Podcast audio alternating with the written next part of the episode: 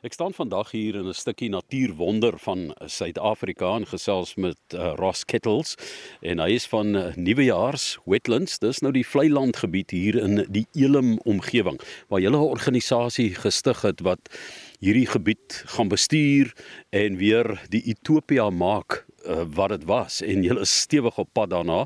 Ek staan hier by 'n uh, 'n vlei 'n dam, 'n meer, ek weet nie wat mense dit moet noem nie, met 'n paar seekoeie in. Nou, dit is in die Elim gebied. Ehm um, hier in die Runsveld, as jy uh, verby Caledon ry en Struisbaai noem ek sommer hierdie tipe van plekke. Hoe groot is hierdie vlei land gebied hierso ras?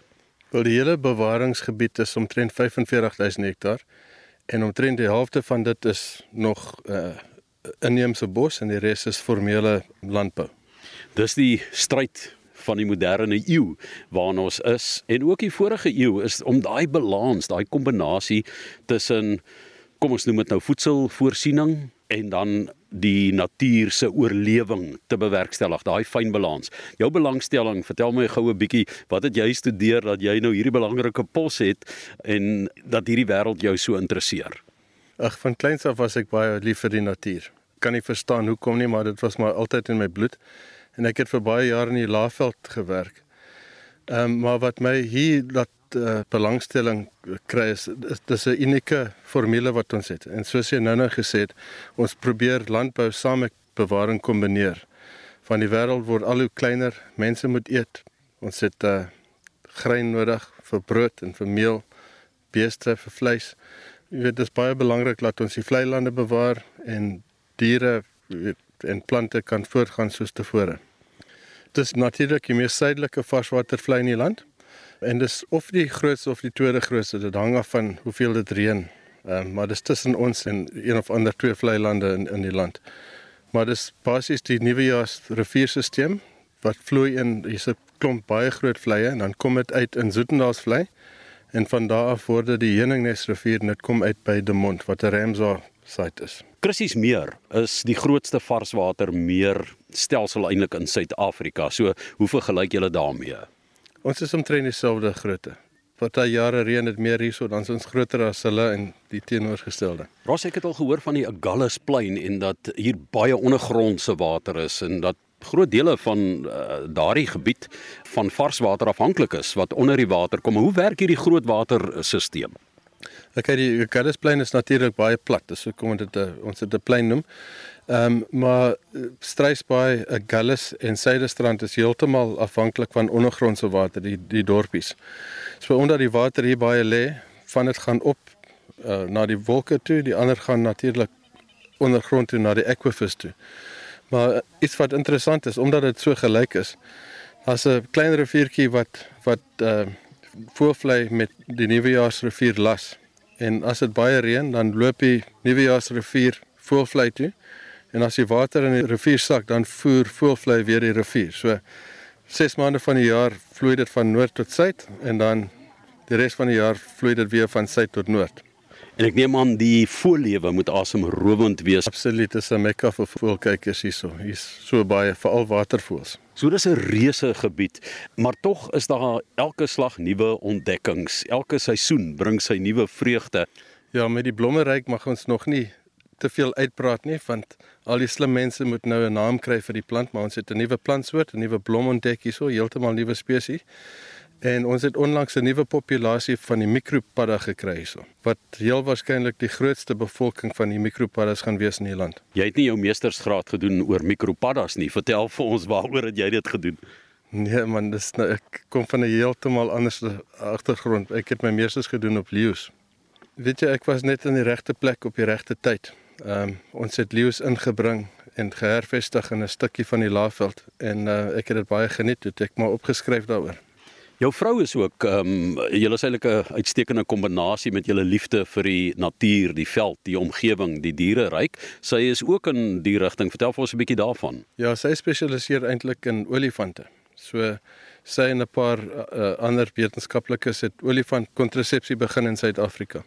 Ek is baie trots op haar. Sy het nou net haar doktorsgraad gekry in olifantgedrag. So ja, ons is maar mal oor diere en die wild en die environment.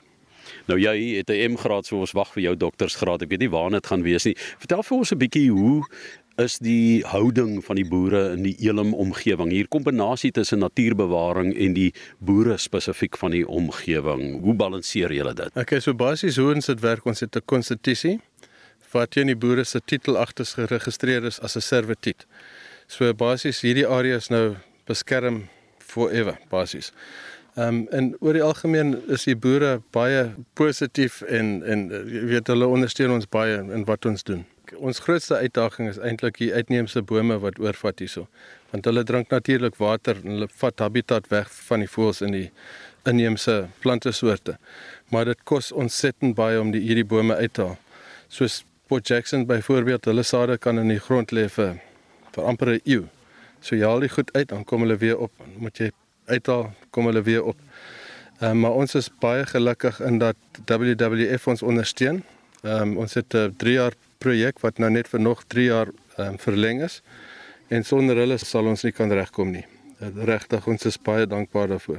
Ons is nou hier half in 'n kamp en ons het nou gesien julle het buffels hier, sekoei wat hervestig is. Ons het um, die kwagga gesien, baie baie interessant, maar nie die birchal en die hartlief kwaggas met daai baie strepe, jy weet die zebras wat 'n mens sien nie. So wat het hier gebeur?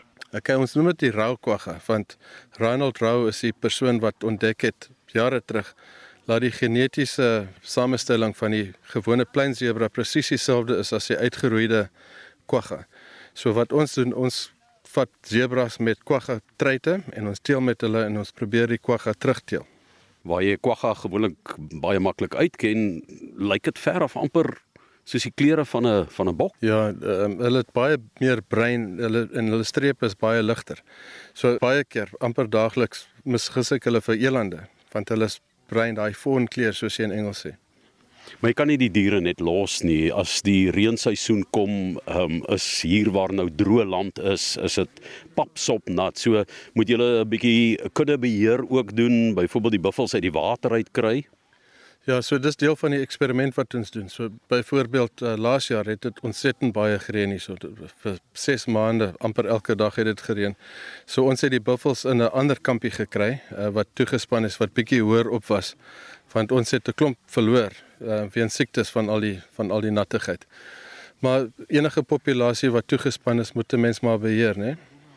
Nou Hoe sien jy toerisme se rol in hierdie hele storie? Sou julle mense wil betrek, toeriste wou betrek, hier deurneem, ehm uh, wys wat se wonder die natuur is en op daai manier ook betrokke maak en ook fondse in vir die mense in die omgewing wat eintlik hierdie uit hulle eie sakke uit moet doen. Yes, dit sal baie help. COVID het ons maar soos soos almal ons 'n paar harde lesse geleer. Ehm um, so wat ons nou wil doen, ons wil meer Suid-Afrikaners betrokke kry. Jy weet, die arme Suid-Afrikaners kry altyd die kortstok. Jy weet almal wil die groot geld jaag met die internasionale toeriste. Maar ons is 2 ure van Kaapstad af. So ek sien baie groot uh opportunities hier vir ons en vir plaaslike toeriste en ook werkskepping op die platteland baie baie belangrik. Die projekte wat julle hier doen wanneer julle met die uitheemse bome byvoorbeeld eh, moet stoei, veral met die Australiërs. Jy weet daai Port Jacksons wat hier groei. Ehm um, is dit vir julle belangrik ook om dan spanne saam te stel om te kan werkskep op daardie manier. Werkskepping is bitter belangrik. Ehm um, jy weet uh, Suid-Afrika het uh, ek ek waar staan die uh, unemployment nou dis oor die 30 35%. So dit help baie want dit ongelukkig is dit baie labor intensive. Daar's net een manier dis met kettinge en en baie uh, arbeid. So op die oomblik uh, het ons uh, dis seker oor die 20 mense wat ons permanent aanstel. Maar is baie interessante dinge in die toekoms waar op, op ons werk en dis om die die hele biomass mark waar ons woodchips wil verkoop vir mense wat wil oorskakel van steenkool na na woodchips toe. En as dit afkom, gaan dit 'n groot verskil maak in wat ons doen, maar ook baie werk skep. Ons staan nou hier in 'n omgewing wat ook naby aan die oseaan is. Ek dink 15 km hier oorkant, maar dan af daarna uh Struisbaai toe, so 60 km en so kan 'n mens nou Gansbaai se kant toe gaan. Dit is al alles toerisme wêreld wat nou eintlik geïnkorporeer kan word met wat julle doen want julle klim nou eintlik net so oor die duine en dan begin die vlei land maar ehm um, terselfdertyd weet mense nie van die Weier Elim gebied nie. Elim die sending dorpie, dink ek ken baie mense in Suid-Afrika. Maar uh, dink jy is nog 'n onontginde toerisme goudmyn? Ek dink regtig so, hier is so baie om te doen. Die mees suidelike punt van Afrika natuurlik is by Agulhas. Die uh, Agulhas Nasionale Park is ons suidelike buurman. Elim is hier so, Struisbaai, Agulhas, baie lekker toeristeplekke. Jy kan gaan visvang. Hier is, hier is so baie om te doen en te sien. Dis regtig 'n gem wat nog nie heeltemal ontdek is nie. Ras baie dankie vir die gesels, baie sukses vir jou, jou vrou, julle familie en die toewyding ook aan Moeder Aarde. Ag baie dankie man.